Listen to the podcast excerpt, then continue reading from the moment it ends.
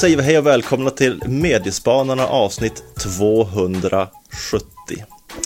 Jag heter Erik Lindenius. Och jag heter Jesper Enbom. Och vi har med oss eh, två gäster som jag tror får presentera sig själva faktiskt. Ja, jag heter Klara Lidström, mer känd som bloggaren Underbara Klara. Och jag heter Erika Dahlgren och gör en underbar podd tillsammans med Klara. Eh, ja, radioproducent och frilansjournalist numera, jobbar länge på Public Service, Sveriges Radio innan. Mm. Mm. Eh, och vi släpper det här avsnittet den 7 mars då, som är den nya podcastens dag. Det passar ju jättebra då att vi har en annan podd här som gäst. Eh, som ju gör att våra lyssnare kan direkt hoppa in och lyssna på eran podd, ja, en underbar podd. Eh, det man kommer att höra då, när man kommer in på den podden, är att den är väldigt annorlunda jämfört med den här podden. Mm. Åtminstone någonting som du har fått höra också.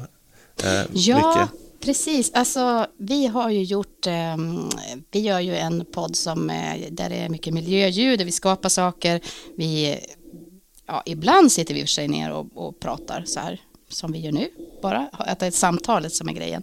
Men eh, ganska ofta är det ju också att vi är, ja, men är utomhus eller hemma hos Klara och går runt och i Pysslar och... eller går på stan eller alltså vi gör ju, ja men eh, jag brukar säga för, att vi gör ehm, Eh, Eh, en, kom, en kombination, eh, liksom, vi har tagit det bästa från podd och det bästa från typ P4-radio eh, och kombinerat det till, till en, en lite annorlunda podd faktiskt.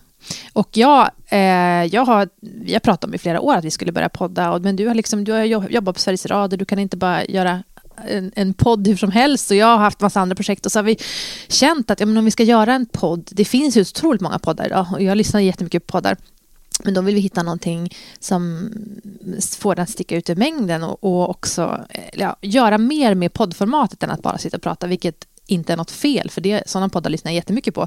Men vi ville liksom eh, vrida lite på formatet podd. Så då har vi gjort den här podden eh, som, ja, den låter inte som så många andra poddar tror jag. Inte så många svenska poddar nej, i alla fall. alltså den har ju ganska mycket känsla av hemma hos kan det vara, men också det här eh, kanske ligger ganska nära där skapar, eh, alltså det är kanske vanligare i tv egentligen att man skapar saker i och med att det är ju ofta eh, Problemet är att det inte är ett bild i radio. Mm. Men det är inte ett problem tycker jag när man ska göra det. För det gäller liksom att ha med rätt ljud som man Mm. Då fattar man, alla vet ju hur en blomkruka ser ut, det är inte så svårt. Mm. Så då ser man ju det ändå. Nej, men om, vi, om vi tar ett program till exempel som eh, även de här eh, Go'kväll och sånt där som sänds från Umeå just, mm. är det ju ofta det, det sker någonting, eh, mat som mm. lagas eller någonting. Så, och, och eh, det, ja, men det, är faktiskt, det adderar ju någonting. Jag tänkte, det var intressant ni nämnde den här kopplingen till P4, lokalradion. För den var ju nyskapad när den kom, att den skulle vara ute bland människor. Mm. Ute på arbetsplatser, också ute där det, jag menar att det gärna fick vara bakgrundsljud. Och, och jag har ju en del favoritsändningar som jag hörde när jag var barn från Norrbottensradion. Mm. Till exempel när de var i, i Gällivare och skulle då förklara hur, hur när de, de kokade palter och sådär.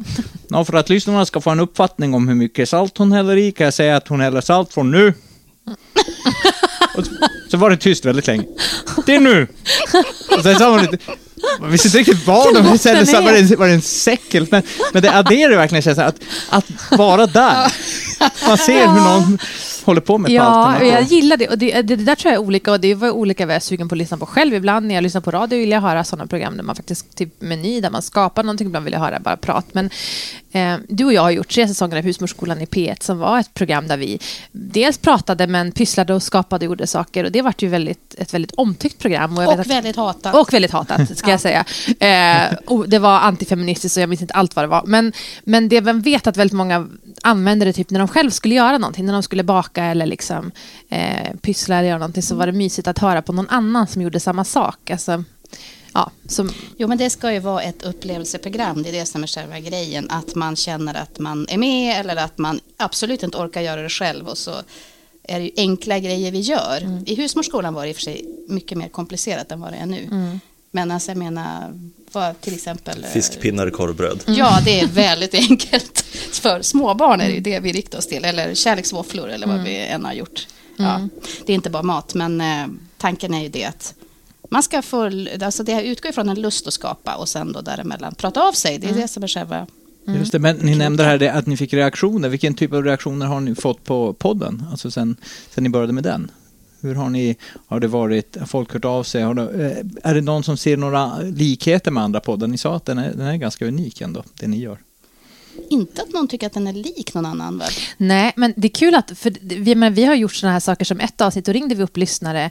Vi har, vi har kollat liksom i vår Acast-statistik vart vi har lyssnare. Vi har lyssnare i Ho Chi Minh och i, i massa olika ställen i Afrika. Och då bestämde vi att ett program vi ringer upp våra lyssnare och gör liksom, ett ring upp-program. Och det är ju klassisk P4-journalistik egentligen, mm. som inte är särskilt nytt nyskapande för din del. Det är någonting du är van att göra, Erika.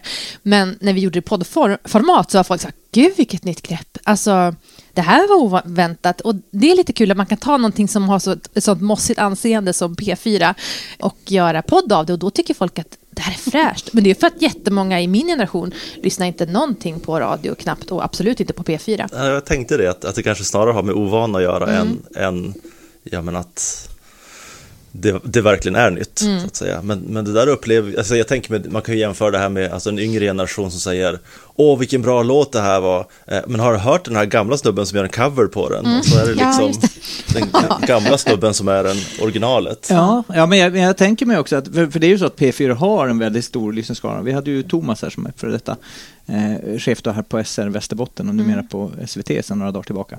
Eh, och eh, då pratade vi ju lite grann om, P4 har ju en stor lyssnarskara, men kanske inte så mycket bland den yngre, förutom möjligtvis att sportsändningarna får en del. Mm. Då, och, men, men, men det kanske är just det ni gör där, ni flyttar över det här till, till, till, ett, till ett annat format där folk som folk faktiskt kan uppskatta i olika åldrar. Som inte, att det finns den här, det här ryktet om att P4 skulle vara mossigt. Och mm. ja, P4 har ju, nu har ju jobbat mycket med hur P4s förändring innan jag hoppade av och började med det här.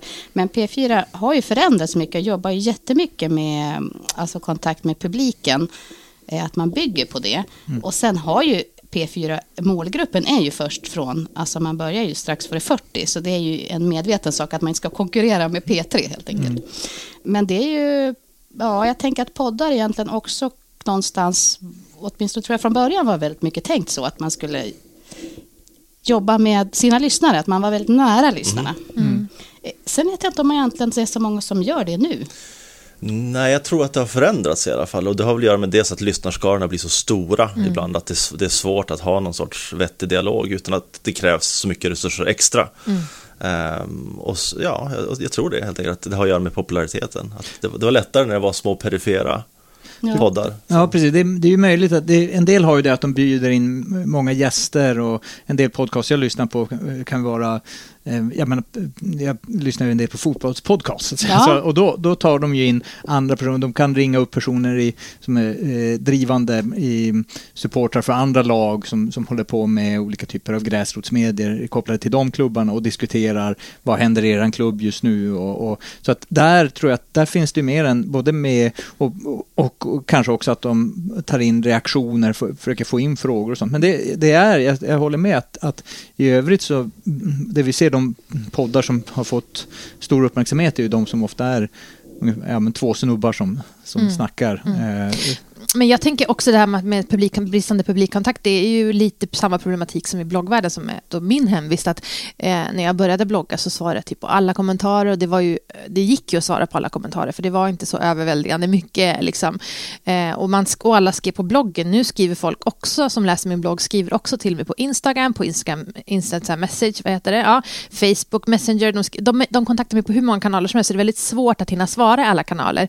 Eh, vilket gör, tror jag, att man som stor bloggare då som jag är, att man har en sämre publikkontakt än när man är liten och det tycker jag man kan se på Instagram också att de, många så här halvstora konton, de har väldigt fin läsarrelation därför att de har tid att vårda den. Eh, och det tycker jag är intressant ur ett annonsörsperspektiv att det är ju, man, man vill gärna gå på de här stora poddarna, man vill gärna annonsera i de största, hos de största bloggarna och instagrammarna men att mång, engagemanget hos många av de här lite halvstora, det är mycket bättre. Så att man, får, man har mycket mer engagerade läsare. Så om man skulle synas med annonser hos de här personerna så skulle eh, ja, det skulle vara mer trovärdiga annonser och man skulle kunna faktiskt nå ut på ett bättre sätt. Men man är fortfarande väldigt fixerad vid, vid siffror och ibland är, är det ett problem att man är för stor också, tänker jag. Ja, precis, och det du säger här anknyter lite grann till eh, det finns medieforskning som, alltså om vi går riktigt långt tillbaka, så här, tvåstegshypotesen, och det är en ganska enkel tanke att, att det finns eh, människor som är opinionsledare som, som eh, till exempel eh, ja, men som eh, lyssnar på mm, radio eller läser tidningar och så vidare och sen sprider det de har hört i medierna till andra mindre intresserade som kanske inte kommer i direktkontakt med det här. Mm. Och det, det, skulle man ju kunna tänka sig i det här fallet, att det rör sig om människor som bygger en nära relation med den här podden och sen pratar om den på fikaraster mm. eller mm. och, och, och det, det, är ju definitivt så att det fungerar också delvis vad gäller reklam, att, att det, mm. det, det, finns den som, så att det, det är inte alls omöjligt att tänka sig och det märks ju också att många av de mest kända poddarna, de har ju väldigt mycket inriktad, den interaktion som är med lyssnare bygger ju rätt mycket på att de, de ska få lyssnarna till exempel att skicka in, lägga upp en bild på Instagram där de använder en viss hashtag mm. eller någonting, där de visar en bild på sig själva när de konsumerar en viss produkt. Mm. Och, och alltså verkligen, det där tycker jag är intressant att många av de stora bloggarna, deras kundkontakt eller läsarkontakt eller lyssnarkontakt består bland poddare och bloggare framför allt av att eh, mjölka ut mer pengar av dem, det vill säga kom till våran krogshow eller kom köp våra produkter eller så här, vilket jag liksom inte tycker behöver vara något fel i sig. Jag jobbar ju själv så, men det är intressant. Jag tänker att det, det, är alltid det som är det svåra när man blir för stor, att kunna behålla närheten till publiken, att, att publiken också känner att de är sedd och ja, men där har vi ju en lite speciell strategi. Nu har, är inte vi så stora än att vi har det problemet att vi tappat kontakt med våra lyssnare, men vi har ju då instiftat Blok bloggläsarombudskvinnan, det var Erika Den kärringen. Ja. ja, men som är liksom en karaktär som återkommer i nästan varje podd och ja. tar upp läsarnas, mina bloggläsare och våra lyssnares kritik mot mig då. Och mm. det finns ju ganska mycket. Ja, jag måste erkänna att jag, jag, tror att jag har tolkat hela den, det inslaget fel. Eh, och det, eh, för, för, att från början lät det som att, som att eh, du då Klara blev, blev irriterad på frågorna. Ja. Men, men, jag har förstått sen att det var kanske mer Erika i rollen som bloggombudskvinna som ja. du har blivit irriterad på. Vad skönt att du tog upp det, för jag har alltid själv undrat hur det är med det där. Men jag har aldrig vågat säga det. Är det mig du är super på ja, det, riktigt? Det är super. Ja, nej, men, eh, nej, men det är roligt, det jag läste folk som skrev i andra kommentarsfält, det är så intressant med den här Blok, för man hör verkligen hur sur Klara blir.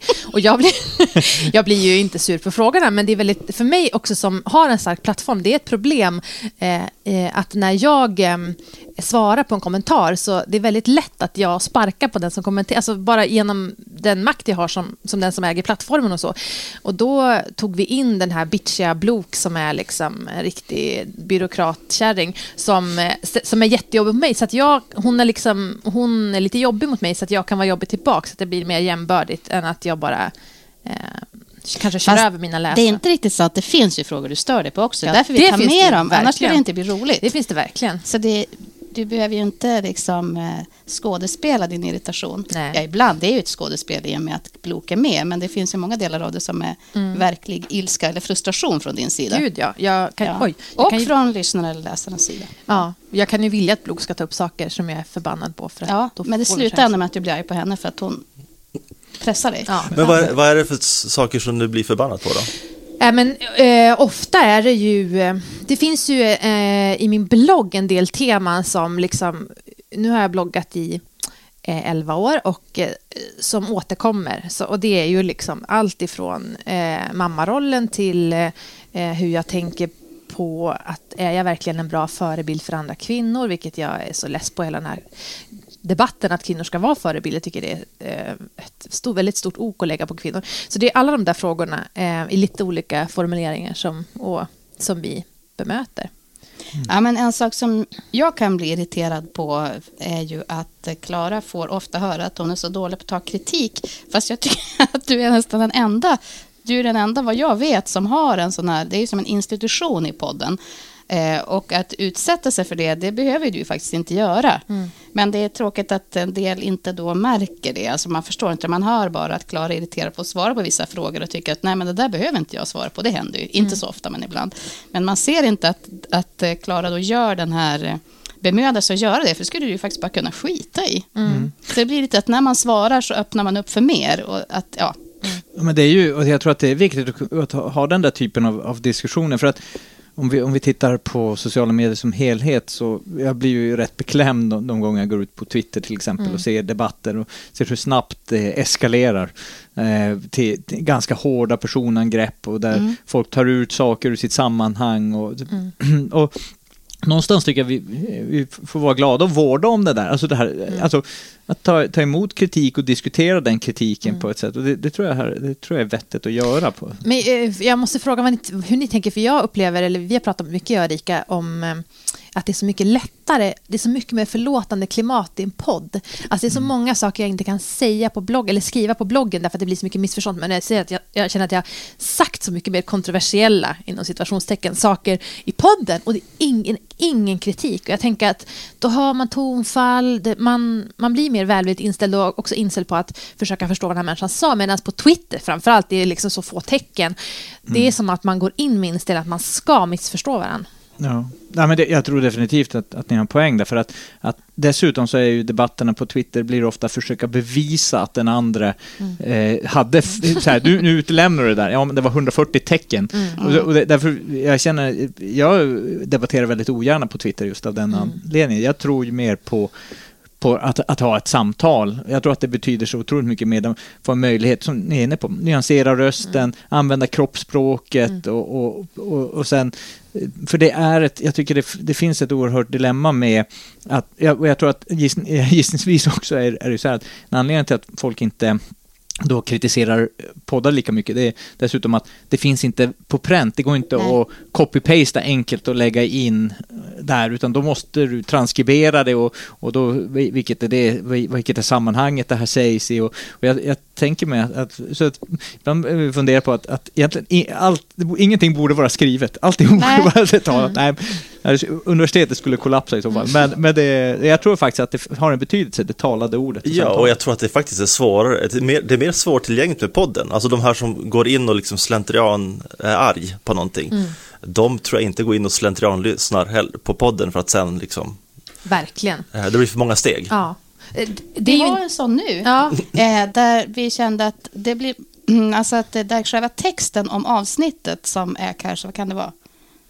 Sju rader? Ja. Åtta rader kanske? Ja, nu vet jag inte precis. Men det handlar om eh, eh, f- fusk som funkar på småbarn. Ja. Alltså, det här, alltså Ja. eh, till exempel, jag tycker alltid man får ta, ja, men napp ska man helst inte ha och mjölkersättning ska man helst inte ha och man ska inte låta dem eh, överskrida skärmtid och eh, ja, alltså aldrig en läsk på vardag och sådär. Och sen så vet man att det är ändå sådana saker som föräldrar gör för att få vardagar att gå ihop.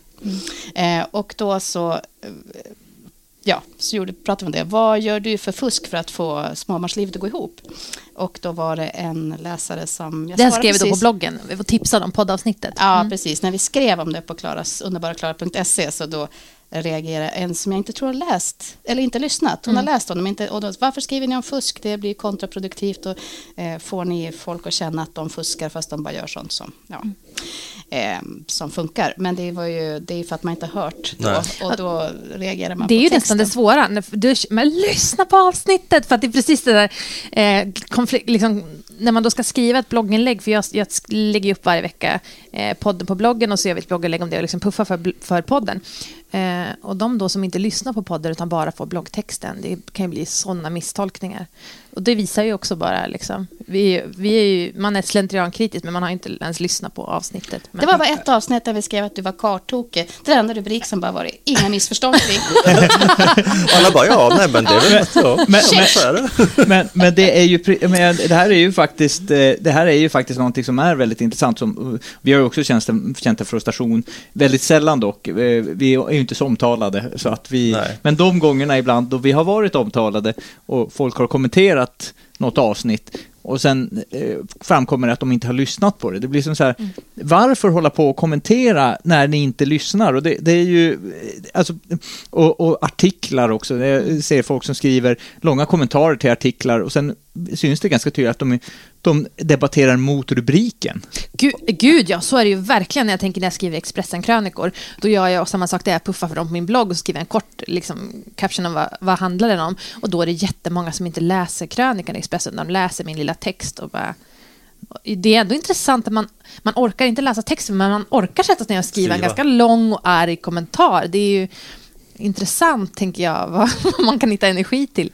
Ja, som journalist kan jag känna lite så här att det är också någonting som man ibland ber om. Alltså den där rubriken sätts ju för att folk ska gå igång och säga Mm. vad fan menar den där jävla Klara Lidström och läsa. Men sen är det inte eh, alltid det funkar så. Mm. Nej. Men det är lite som med de program som vi gjort till exempel i P1 så var det ju, då hette ju programmet Husmorsskolan. Eh, det var väldigt mycket diskussioner om det programnamnet innan, men det är klart att det blev ju Alltså, nu är det inte så självklart att det skulle bli en diskussion, men då blev ju en del helt tokiga på det. Eh, och sen hade vi ju en, det var ju en estetisk lek också, det här med förkläden och muffins och sådär. Eh, alltså, men sen det vi gjorde i var ju liksom att credda gammal kunskap som husmödrar har haft som män och kvinnor och hen och av alla kön kan ha nytta av idag. Jag tror inte kanske skulle bli så mycket rabalder nu. Men, det känns, men är inte det också för att vi var med? Det var ju som en period där då, då det blev okej igen. Alltså jag var, det var ju som så då min blogg blev stor också, att jag körde på husmorstemat och det vart så kritiserat. Men sen idag är det aldrig någon som lyfter det längre. Nej. För att nu är Men det, var okej. apropå namnet, alltså att husmorskolan, då blev man så arg på namnet. Man hade inte hört programmet. När programmet väl började, då var ja, en del hatade det ju ändå, men det var ju innan, för man visste inte vad det var, man blev bara arg. Ja, men, jag menar, och, och det där är ju just den, den här typen av, av sätt att, att kommentera och det är väl många som gör sig skyldiga till det. Det, det, alltså det är folk av olika politiska schatteringar och, och så vidare. Och det, jag, jag frustreras rätt mycket över och det. Ulrika Hedman som är doktorand vid JMG i Göteborg, hon, hon eh, twittrade häromdagen faktiskt om en ny grej som NRK gör, NRK Beta. De, för att du ska få in, gå in och kommentera så måste du svara på tre stycken multiple choice-frågor om artikeln du ska kommentera på. Jaha, så är det Va? smart. Ja, Så himla briljant. ja det, jag tyckte det var helt lysande. Men också Ja. lite utmattning, så i värsta ilskan ska hinna gå över. Ja, ja men, också, men också det är så här, ja men då måste du ta reda på saker och då, då ska, vi- då ska vi helst, egentligen ska man ju då inrikta det på att det ska vara väldigt specifika frågor som, som just i den artikeln så att du inte kan utifrån bakgrundskunskaper utan du måste visa att du har läst just den här artikeln. Ja, det, Jag gillar den idén jättemycket. Men det är ju det som jag tänker idag, det går så snabbt. Vi har ju inte det här naturliga eh, som, som är att liksom som det var förut, jag ska gå och hämta papper och penna och skriva ett brev och, och hämta, hitta ett frimärke och gå till brevlådan och posta skiten. Och det är ju liksom, det märker jag idag och det är också det som, jag får ju väldigt mycket kritik och, och ja, eh, kommentarer och så och arga mejl och så, men de tar inte så hårt som när jag någon gång får ett handskrivet mejl. Någon har liksom ändå gjort sig det här besväret att leta rätt på min adress eh, och skriva ett brev. Och man ser alltid på brevet att det här är någon som är jävligt förbannad. För det, gör man faktiskt. Det är darr i handstil. Ja, det är darr i handstil. De är arga som de skakar. Liksom. Om, och det är ett sånt här litet anonymt kuvert. Jag har fått det några gånger. Folk har skrivit brev till min son och liksom, jag beklagar, tycker synd om han som ska behöva vara med som mamma. Eller liksom, ja, sånt kan man ju... Sånt Men är vadå, ju, du tolkar det som att man är så arg som man darrar? Ja, vad tänker du? Att man är så Nej, att man, sinnessvag? att, nej, men sådana där har jag ju man är läst så i, gammal. till radion också. Ja, det kan det ju vara, men då förstår man ju det. Men eh, att man är liksom... Att man kanske inte, man har en medicin som man inte har tagit och som man har abstinens. Ja, nej, men, men alltså det, det är ju så att, att vi, det, det har ju funnits lite grann tidigare, det- om vi tar just radion, så det, första gången det var en kvinnlig nyhetsuppläsare i, i Ja. radion så ringdes det ju in, väl, och det, de finns ju bevarade. Jag, Radiotjänst. Förlåt mig, men eh, vad är anledningen till att ni har en dam som läser kvällsrapporterna? Jag vet tyvärr inte vad det är för anledning. Jag vet inte om det är något prov bara, tror jag. Ja, det hoppas jag verkligen. Jaha, jag ska... det vore väldigt eh, angenämt om man fick höra en karlröst åtminstone. Ja. Men de har dugligt folk där uppe. Ja, Det är beklagligt. ja, jag ska framföra. Tack. Tack. Radiotjänst? Är det radiotjänst? Ja, det är det. Kan man träffa chefen? Nej, han är tyvärr inte här nu. Är det ingenting jag kan framföra? Ja, det var det jag ville höra om det finns någon plats ledig som hallåman. Ja, det kan jag tyvärr inte upplysa om. Ja, men eftersom ni har hallåkvinnor nu eh, så tänkte jag att det inte fanns några karlar att tillgripa. Mm, och det gör det nog. Gör det? Ja, det gör det. Ja, men varför kan man inte få en karl då? Jag vill inte ha, höra sånt där förbannade kärringsnack. Nej, jag ska framföra. Tack. Tack. Radiotjänst? Hur länge ska den där kvinnliga rösten vara här på dagsnyheterna? Jag vet inte hur lång tid det blir. Usch, det är förskräckligt. Han är verkligen ingen manlig hallåman. Jo, det finns det nog, men de kanske tänker byta. Usch, det är ju hemskt att höra på det där. Ja, jag ska framföra. Radiotjänst? Är det meningen att man ska ha en sån här kvinna sitta i telefon och larva va? Istället för en karl va? Ja, Det är fruktansvärt, man kan ju inte höra eh, dagsnyheterna. jag ska framföra Framför det va. det. Radiotjänst. Jag skulle bara be att få veta vem som läste eh, dagsnyheterna nu. Jag vet tyvärr inte vem det var. Jag har ingen uppgift på namnet. Ja, I alla fall var det fruktansvärt tråkigt. Jaha, tack. Det ska jag framföra. Ja, va? Jag ska framföra det. Ja, tack. Och vi skulle slippa, få slippa den där damen, tycker jag. Ja, Man blir bara trött av att höra henne. Jag vill hellre ha de manliga stämmorna. Och i synnerhet den första som var från början. Ja. Visserligen var han lite, lite staccato ibland sådär, men, men eh, han bättrade sig betydligt sedan och det var mycket, mycket bättre att höra honom. Det här var något gräsligt tröttsamt och tråkigt. Jaha, jag ska påpeka det. Ja, tack. Tack. Tack så mycket. Radiotjänst. Jo, hörni, fröken. Ja. Har ni inte annat än ett fruntimmer som läser upp dagsnyheterna? Har ni ingen herre som kan göra det? Det finns det nog, tänker jag. Ja, men vad i friden ska vi ska ha en kärring i, i radion? Alltså, ja, jag ska påpeka det här. Jag påpekade, låt mig inte höra en kärring, ursäkta jag yttrar mig så att uh, tjaddra i, i, i dagsnyheterna. Jaha. Ska jag Ja, framföra? tack så mycket. Tack, tack. Radiotjänst. Ja, fröken, varför får vi en kvinnlig eh, nyhetsmeddelare i radion? Det är inte roligt. Nej, men jag känner inte till anledningen. Nej, men går det inte att få ändring på det? Ja, jag ska framföra det som Nog bör det väl finnas en karl att sätta till som det har varit förut? Ja, det gör det nog säkert.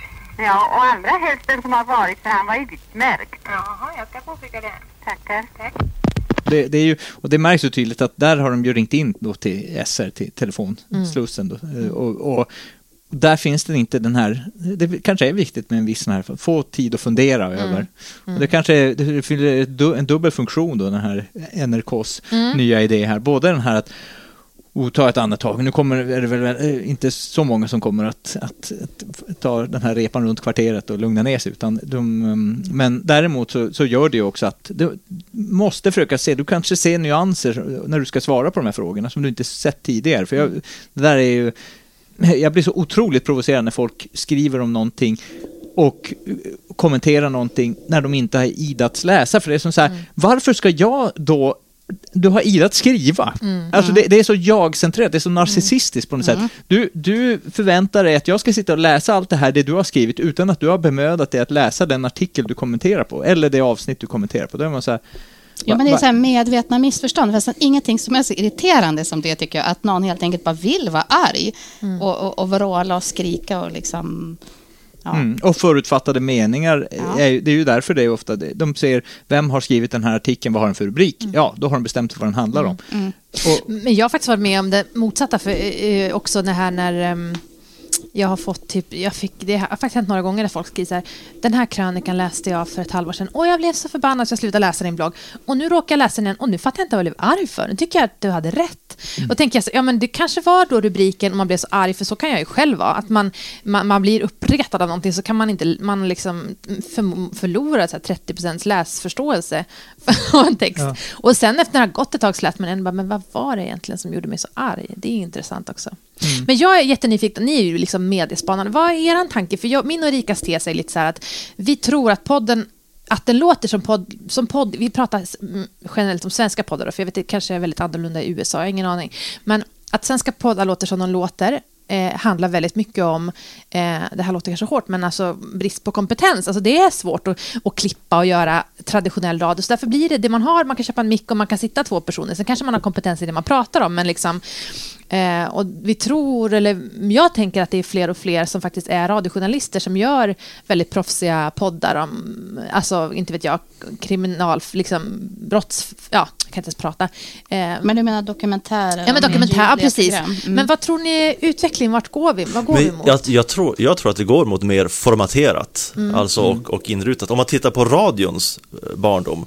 Eh, de, de första radiosändningarna var ju, hade ju ingen tablå heller riktigt, eller de hade liksom inget format heller, utan de, de, de, de eh, spelade ju bara in en gudstjänst eller någonting och den höll på så länge som den höll på. Och så samma sak med radioteater och så, att det, det liksom fick hålla på. Och sen ju längre tiden gick, desto mer liksom inrutat blev det och mer format. Och jag tror att det kommer bli samma sak lite grann eh, vad gäller poddar också. Alltså i, i början så är det ju mest entusiaster som håller på och man kanske gör det hellre än bättre. Men i och med att de stora eh, ja, men, mediebolagen börjar få upp ögonen för det. Alltså Aftonbladet, Expressen, Bonnier, eh, ja, men Acast är ju som en egen och då, då börjar det liksom komma krav, det börjar komma formateringsfunktioner, då börjar komma studios som är liksom professionella och sådär. Så, att, så att jag tror att man rör sig mot det hållet. Ab- Absolut, jag, jag håller med dig. Men- Men jag, jag, jag tänker mig att, att vi kan redan se också, eh, jag har lyssnat på Spår till exempel, som ju, där gränsen mot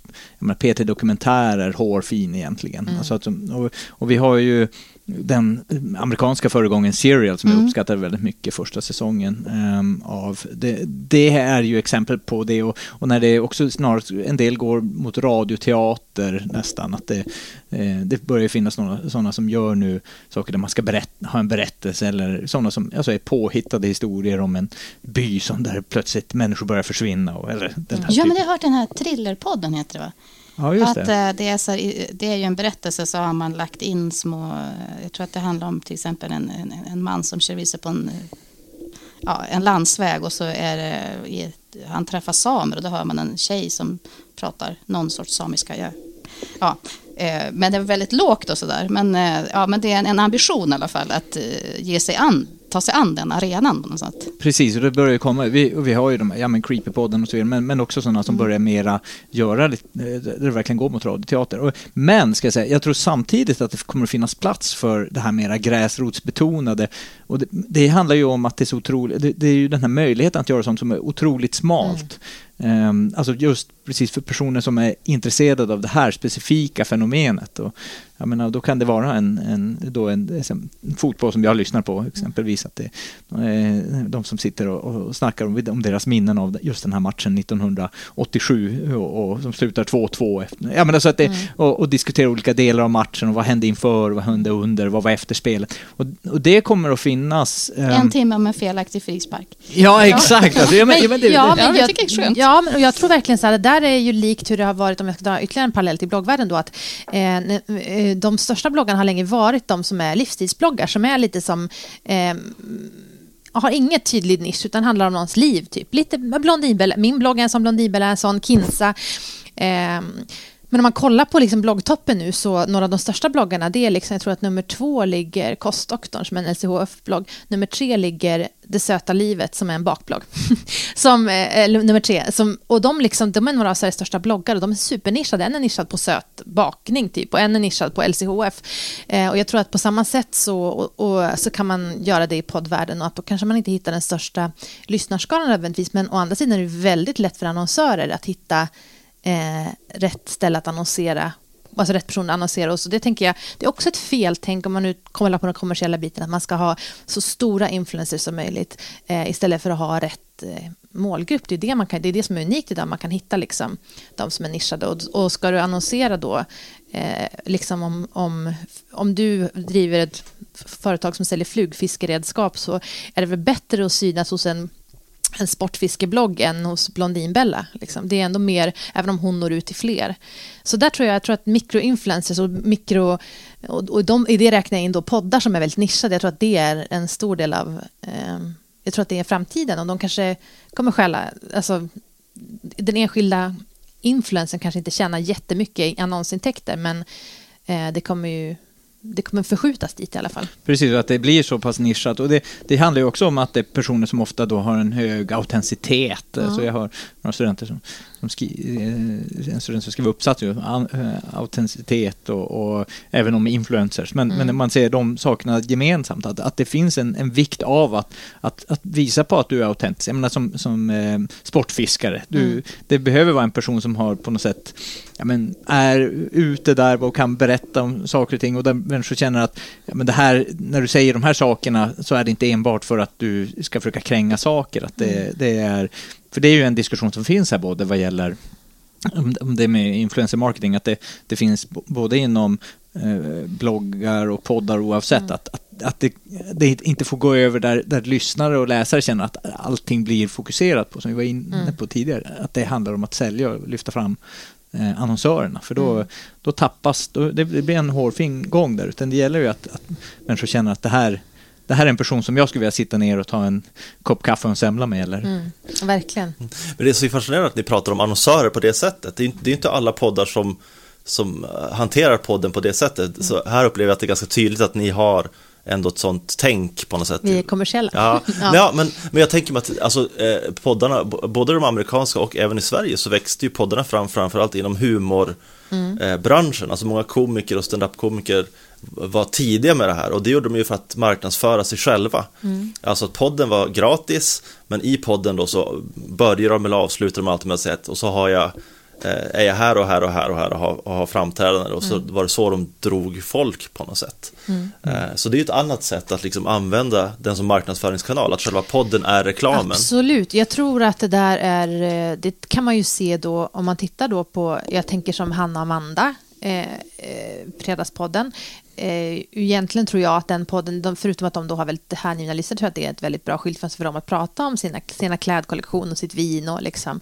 Eh, och inte, kanske, det kanske är viktigare än att de får in annonspengar från eh, Swedbank som vill synas i deras podd. Förstår ni vad jag menar? Att man använder det som sin egen plattform. Och så jobbar jag också. Min blogg är ju eh, där jag lyfter mina, liksom, mina böcker och ja, men alla andra saker jag gör. Så att, ja, och det tror jag, det tror jag är um, någonting som ändå kan stärka trovärdigheten. Därför att eh, man kan ju förstå att någon vill göra reklam för sitt eget klädmärke. För det har ju de investerat i och det är ju någonting de står för. Medan så att man ena veckan gör reklam för H&M och andra veckan gör reklam för Kappahl. Det är ju mer, eh, kanske inte lika trovärdigt.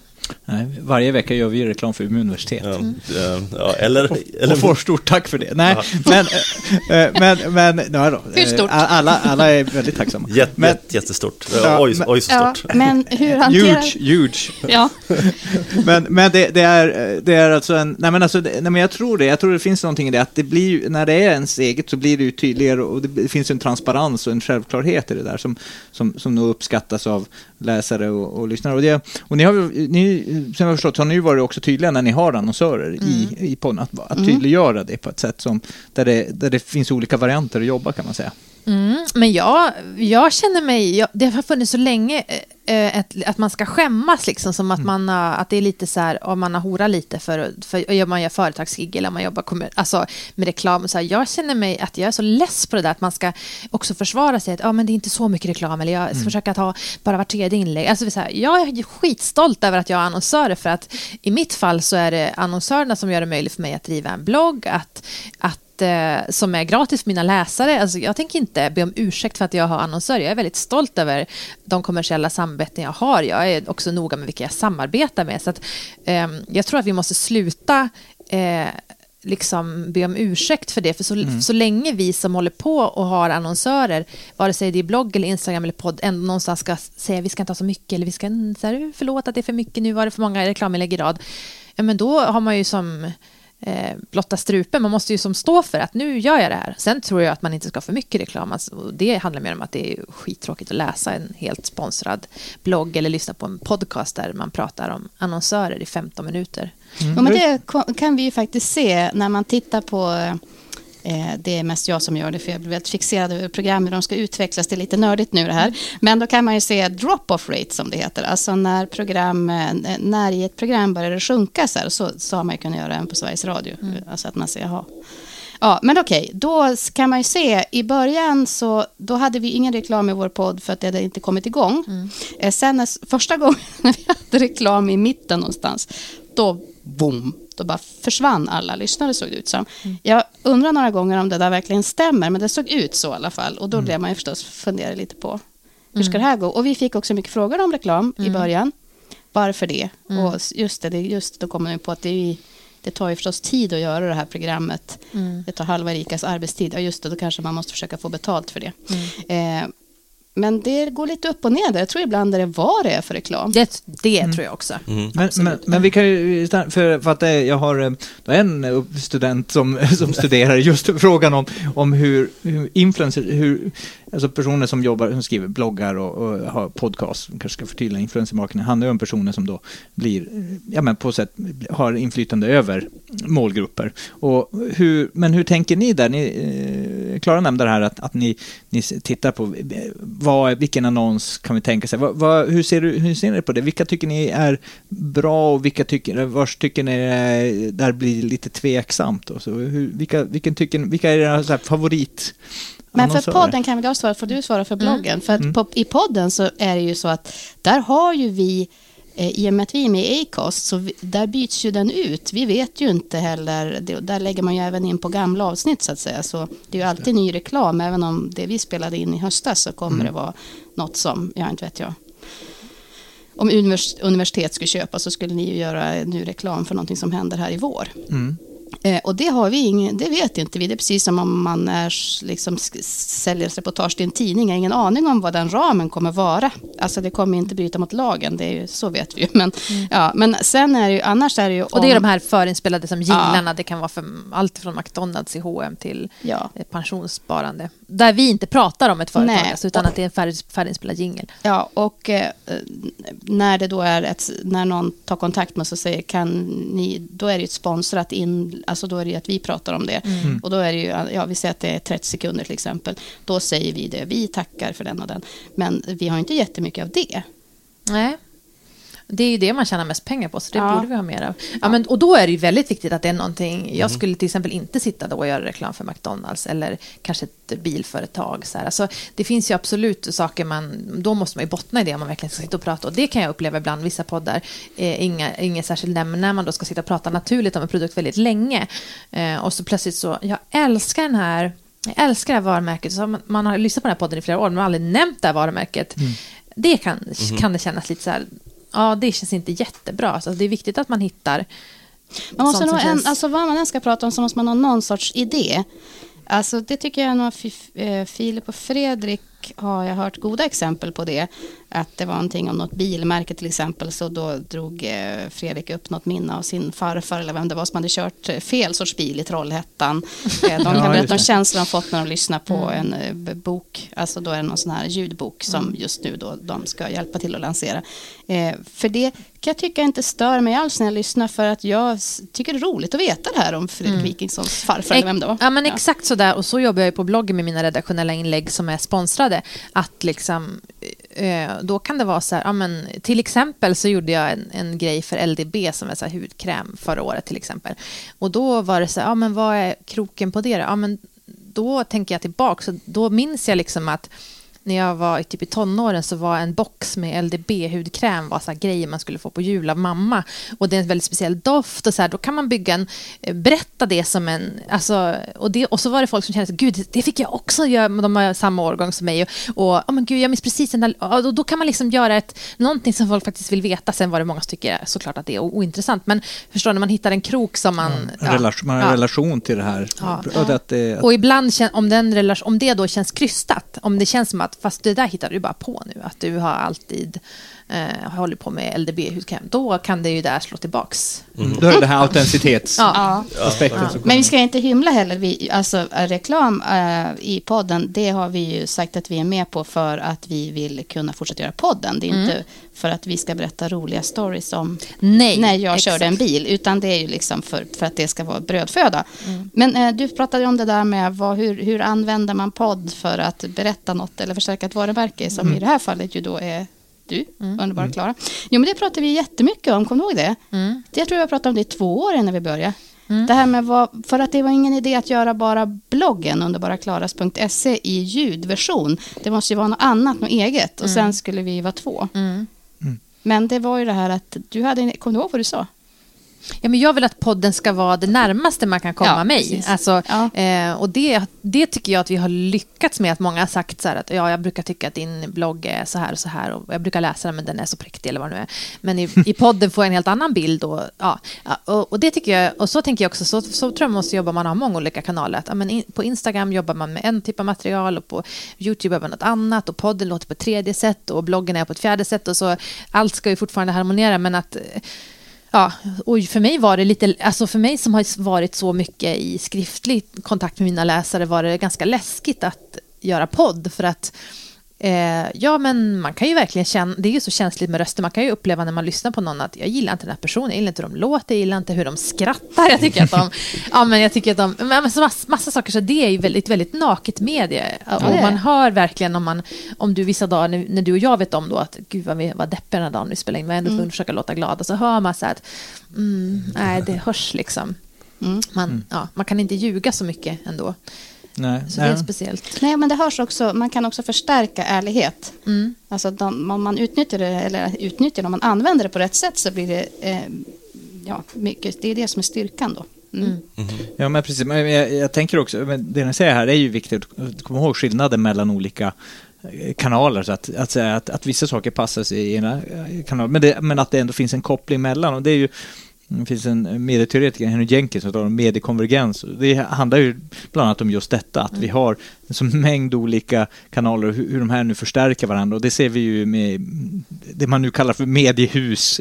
Jag menar, om vi tar lokala tidningar, VK, så kommer de ha ett VK-TV och det kommer vara kopplat till det, kommer vara bloggar. Det, alltså tidningen är bara en del av det. Om, om vi går tillbaka då, om vi, om vi går eh, tillbaka 30 år i tiden så var det ju helt annorlunda. Så det, alltså det har ju hänt så otroligt mycket på, i medieekologin som vi ibland säger. Verkligen. Jag måste säga en sak som jag har tänkt på med podd. Nu lyssnar jag väldigt mycket på poddar, men jag lyssnar, har jag insett då väldigt mycket på Sveriges Radio-poddar. Jag lyssnar på Det politiska spelet och USA-valpodden och jag lyssnar på eh, också typ Filters podcast när de läser in filterreportage jag redan har läst. Jag tror det är med Göteborgs stadsteater. Alltså jag lyssnar på väldigt mycket som låter eh, lite mer eh, Sveriges Radio ändå. Och det är lite tråkigt kan jag tycka. Jag lyssnar på några också sådana, alla Filip och Fredrik där man bara sitter och, och pratar så här. Men det kan jag eh, känna när man, det kräver ju väldigt mycket av en också. På ett sätt är det ju svårt att klippa och, och göra så, men och, och göra det vi gör. Vi har ju gjort det svårt för oss själva. Vi har ju mycket mer arbete med vår podd. Å andra sidan måste man ju vara, alltså man måste ju verkligen vara Eh, om, man, om man ska kunna prata helt utan manus och liksom bara prata om, inte om ett tema utan bara prata om sina egna liv, man måste ju vara jävligt bra. Alltså det är också att göra det svårt för sig själv. Och jag kan tänka att den här perioden, precis som det var när bloggarna växte fram, att det kom jättemånga livsstilsbloggar och där man bara skrev vad man åt till frukost och så här att om man inte lyckas tweaka det och hitta och göra det nog bra så är det ointressant till slut och alla de där bloggarna har liksom försvunnit idag, eller några, många, av- många av dem. Och jag tänker att många startar poddar idag också, eh, om man vill bara sitta och liksom eh, ja, pladdra. Ja. Och, och så känner jag så här när jag börjar lyssna att fan, slösa inte med min tid. Det är så här respektlöst att liksom, det är som att inte korrläsa en text till en artikel. Liksom. Du får ta att det är teknikstrul, du får ta det. Alltså, ofta tycker jag att det är så en, en orespekt för sina lyssnare, att man, man ehm, man har liksom inte haft någon tanke eller man har inte gjort- någon research, man, bjud, man lär inte ut något nytt utan man, jag, jag måste bara, ursäkta nu kanske jag är jättedum som nämner dem, men jag tänker så här, eh, Leila och Niklas, eh, Leilas, Leila, alltså kocken Leila och Niklas Ekstedt som är Som kockar. egentligen är din stora idol. Ja, men hon är ju fantastisk. Jag tycker hon är så bra, briljant affärskvinna. Men de har en podcast och de har uppenbarligen ett manus och de har liksom... Och, och det är så mycket intressanta saker som de pratar om. Jag skulle vilja att, du vet, de styrde upp det där. Jag skulle vilja höra, de är ju två entreprenörer. Hur tänker de? Hur jobbar de? De? Det blir så ofta att man känner att man har lyssnat i 35 minuter och så bara, jag fick inte veta någon. Det var massa lösa trådar och det är så här orespekt för lyssnaren därför att de är intressanta personer. Jag skulle jag skulle älska om de gjorde en välproducerad podcast. Och det tror jag är framtiden. Att liksom sluta, precis på, på bloggen och allting, så här, sluta ha, liksom, ta era läsare och lyssnare för givet. Jag har faktiskt ett, ett annat exempel, fast lite tvärtom då. Eh, Mattsson Helin, alltså de före detta, den före detta chefredaktören eh, Jan Helin då för Aftonbladet och eh, Thomas Mattsson för Expressen. De hade ju en mediepodd också. Eh, och eh, den lyssnade jag på och uppskattade väldigt mycket. Problemet med den var att den var eh, över en och en halv timme lång oftast. Eh, och det tyckte jag var respektlöst på det sättet att, att liksom men jag har inte all tid i världen att lyssna på eran podd. Jag vill lyssna på andra poddar, jag vill. Men, men, men de tyckte att, ja men åh vad bra vi är som sitter och håller på i två timmar och liksom. Det där tycker jag är så roligt. Det är som den här, eh, eh, vad ska jag säga, älskaren som har missförstått allt. Att det ska vara liksom ett, vad heter det, erotikens moranisse. Nej men det är lite det liksom att... eh, Det om- passar ju bra med tanke på att Vasaloppet är, Ja. är här i, i dagarna. Ja, nej, men det är lite det här, om vi gör det riktigt eh, länge då blir det nog bra. Men det, det är jättesvårt att eh, få det liksom komprimerat. Att, eh, eh, ja, Ja, det är nej. det som är liksom tricket. Ja. Att får inte bli så här Exakt. långt. Exakt, och då... Ja. Ja, ni som nu sett Vasaloppet kommer att ha en helt annan bild av Vasaloppet. sådär, Men Man ska hålla Men- på i nio men- timmar. det är bra. Nej, men det är ju så, och så har det varit, tänker jag, i, och nu, jag ursäkta att jag bara drar parallell till blogg, men det finns så många intressanta paralleller med en blogg och podd. Och det är ju det här att det, förut skulle man posta fem gånger om dag. I USA är det mycket mer vanligt att alltså slow blogging. Man kanske postar en gång i veckan och det ska vara ett jädrigt bra inlägg. Och, och jag tror att vi i Sverige går mot det också, för vi har bara postat, man vill bara posta jättemycket. Och nu, nu, jag menar, för tio år sedan jag började blogga fanns inte Instagram, jag, var, jag hade inte ens Facebook. Jag följde inte så många flöden. Folk hade tid att läsa fem inlägg av mig om dagen. Nu vill folk kanske gå in två gånger i veckan på min blogg. Och för man följer också på Instagram, man har massa olika kanaler och personer man följer. Så att jag tror verkligen så här att alltså kvalitet, eh, hitta en mikronisch och då, och, då, istället, och då tänker jag istället för att ha en frisörblogg, ha en herrfrisörsblogg eller ha en skäggblogg. Alltså, eller istället för att ha en podd om eh, om träning så ha en podd om eh, klassisk skid, liksom längdskidor. Eh, alltså förstår ni, man, Ja, man tar en nisch och så bara gör man en mindre och mindre smalare och smalare. Jag tycker att det finns ett väldigt bra eh, exempel med, som också är och för sig då en Sveriges Radio-podd, men snedtänkt med Kalle Lind som är så här, han tar det nördigaste minsta ämne och så grottar han i det i 35-40 minuter med någon annan som har doktorerat på eh, sketcher av Hasse och Tage eller vad det nu kan vara för någonting. Och, och det är jättekul, som du, precis som du sa, att man kan få eh, Ja, man kan faktiskt, om det är något, det är många av de hans avsnitt jag inte lyssnar på för att det inte, inte intresserar mig, men när jag verkligen är intresserad så lyssnar jag och får det där perspektivet jag aldrig kan få någon annanstans. Nu har jag fått lite panik här, för jag tänkte, jag blev så tidsmedveten när jag stack ut hakan där och pratade om Mora-Nisse.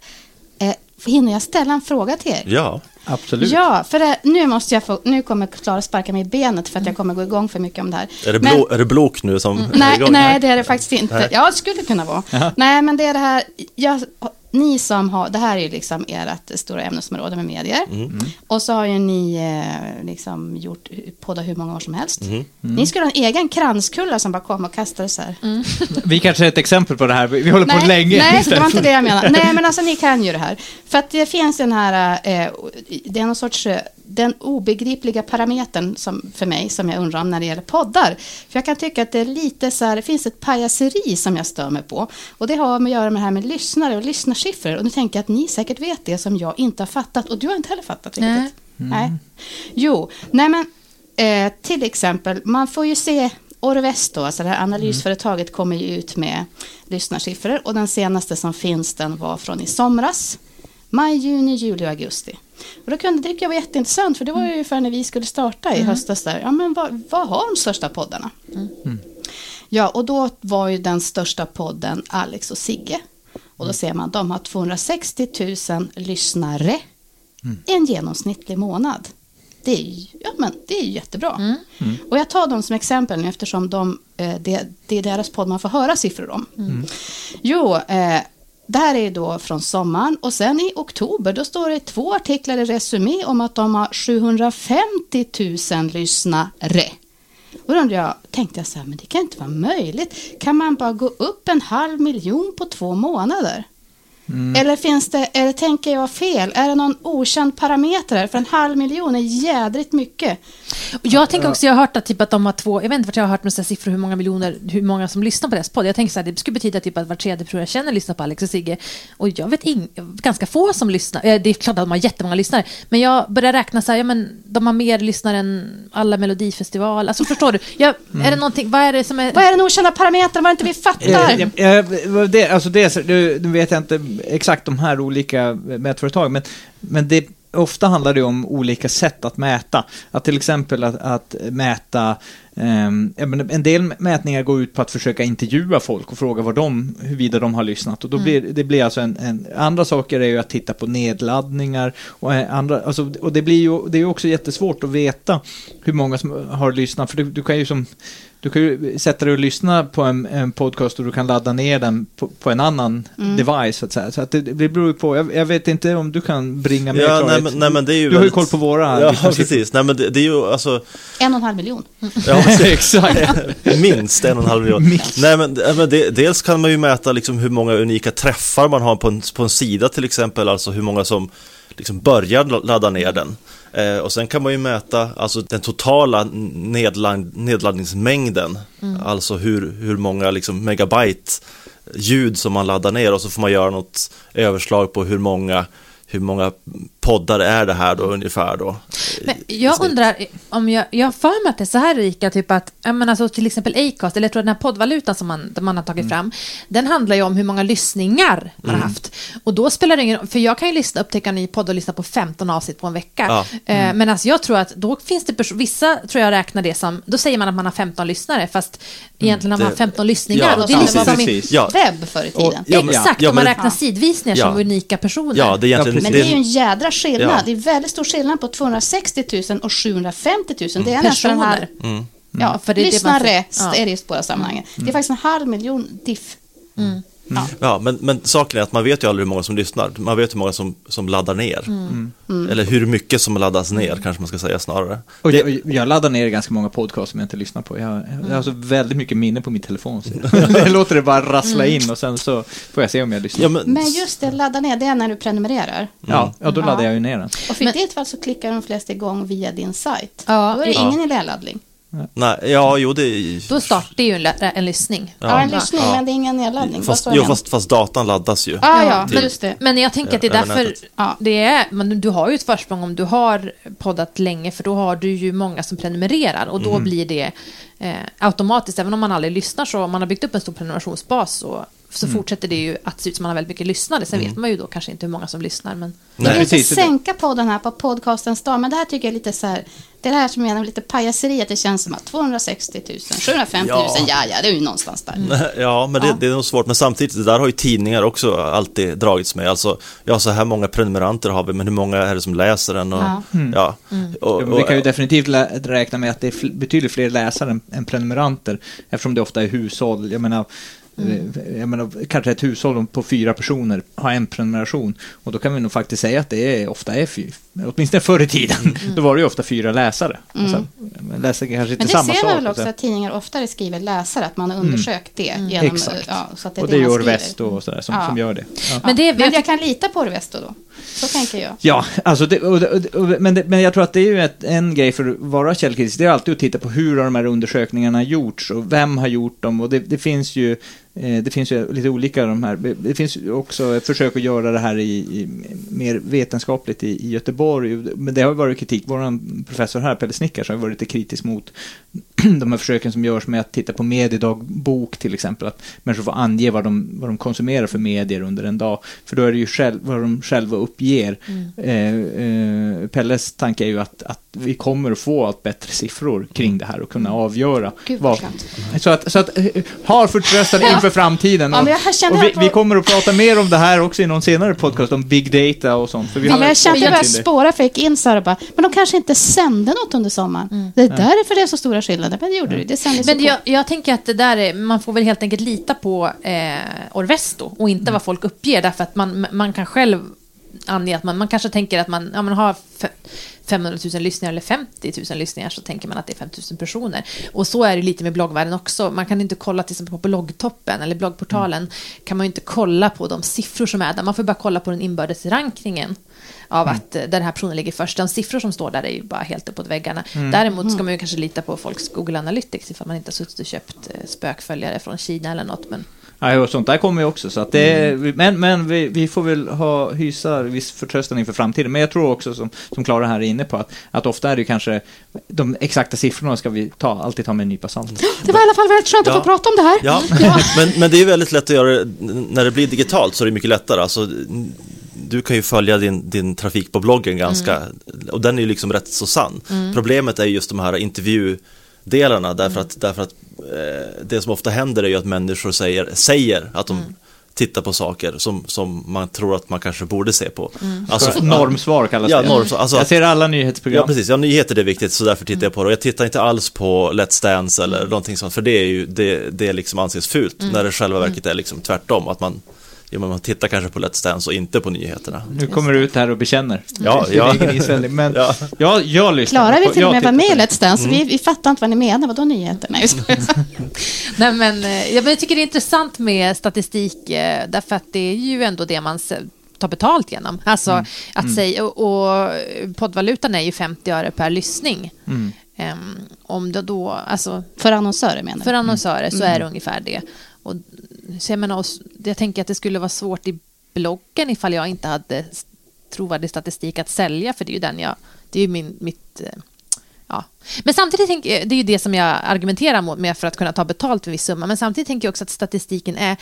Den kanske blir viktigare och vi får bättre siffror samtidigt som jag också vänder mig mot att man bara tittar på siffror. Utan det är ju så liksom att ja, flera av till exempel Sveriges största bloggare och även flera stora poddare har inte jättehög trovärdighet som personer och då spelar det ingen roll att de når ut till många därför att många kanske lyssnar på det för att de Ja, av massa olika anledningar. Ehm, så att jag tror att man måste titta mer på kvalitet på de som gör saker i vare sig det är liksom i podd eller Ja, Instagram. det. Och då tänker du alltså till och med de som, som vill liksom sälja sin produkt, Mm. alltså att annonsörerna, att, att de måste vara noggranna med att kanske själv lyssna på ja, Exakt. ja, men den här podden. Det är ju Red Bull är ju ett sånt där företag som är väldigt duktiga på det där, Mm. att liksom synas i sammanhang där de Ja. så här, åh, nu är det en kille som åker eh, spark nerför ett vattenfall. Mm. Ja, men smackar man på en Red Bull-logga. att- Men det, jag tänker att det är intressant. Jag ha- hade en annonsör här nyligen som... eh, Jag har ju då tre säljare som sitter på, i Malmö och säljer åt mig. Och de... Eh, eh, ja, de var ute och träffade mina kunder och så här. Och så hade vi sålt till ett företag som de har ändå lagt ner några hundratusen på min blogg förra året. Eh, och så sa de så här, men skulle Klara kunna komma in till vårt kontor? De sitter i Stockholm då och kunde vi göra det här och här ihop? Ja, fast det, det är ju svårt, hon bor ju inte här. Vars bor hon då? Ja, hon bor i en liten by på Västerbottens landsbygd. Va? Vi trodde hon bodde här i Stockholm. Men då tänkte jag så, då, det var så tydligt, bara, det finns ju ingenting på min blogg som ser ut som Stockholm, som låter Stockholm, någonting så här. Och de har lagt, de har lagt jättemycket pengar och tyckt att det har varit bra och vill fortsätta lägga pengar. De vet inte ens vart jag bor. De tror att jag bor på Södermalm. Ja, d- det, är- alltså det, det tänker jag så här, då har, måste, har man ju inte gjort sin läxa liksom som eh, annonsköpare. Ja, men jag tänk, de kanske hade tänkt, åh vad bra, vad autentiskt det ser ut, fastän hon bor på Södermalm. Ja, så skicklig på kulissen, Ja, ja, Klara. Ja. Det är som på Skansen, fast lite Precis, annorlunda. bilden har tagit. precis. Ja, eh, på tal om tid då, vi håller ju på att närma oss en timme. Ja, oj. Oj, så att, eh, inte riktigt än men snart. Så att det är väl dags att börja runda av. Mm. Och det vi brukar göra i slutet är ju att fråga hur får man, hur kommer man i kontakt med er? Och i det här fallet är det ju nästan så att det skulle vara tvärtom. Att det är vi som behöver ber- berätta det och man hittar ju er liksom lite Mm. lättare kanske än oss. Men ändå. Nej, men... Eh... Det är nu du drar ditt telefonnummer. Ja, precis. Ditt telefon. tänker jag. Ja. Nej, men eh, min mejl underbaraklara.gmail.com eller min blogg underbaraklaras.se. Med ett S på slutet. Exakt. Underbara Klaras. Just det. Och- Bra. Ja, dahlgrenerika.gmail.com och då är det Rika med C och Dahlgren med HL eller så på Instagram heter jag Icko Dahlgren med I och dubbel C. Det är smeknamn, så därför heter det. Inget Twitters. Nej, av tidigare nämnd anledning.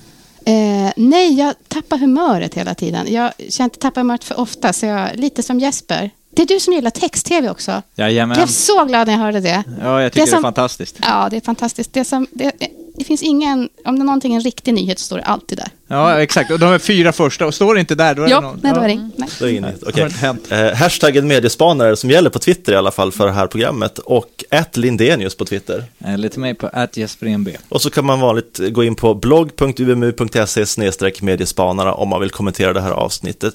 Erika och nu tittar jag på fel person här. Erika och Klara, tack för att ni kom hit. Tack för att du fick komma. Det var Eh, väldigt kul. Och tack för att ni har lyssnat. På återhörande. Hej då. Hej då! Hej, hej!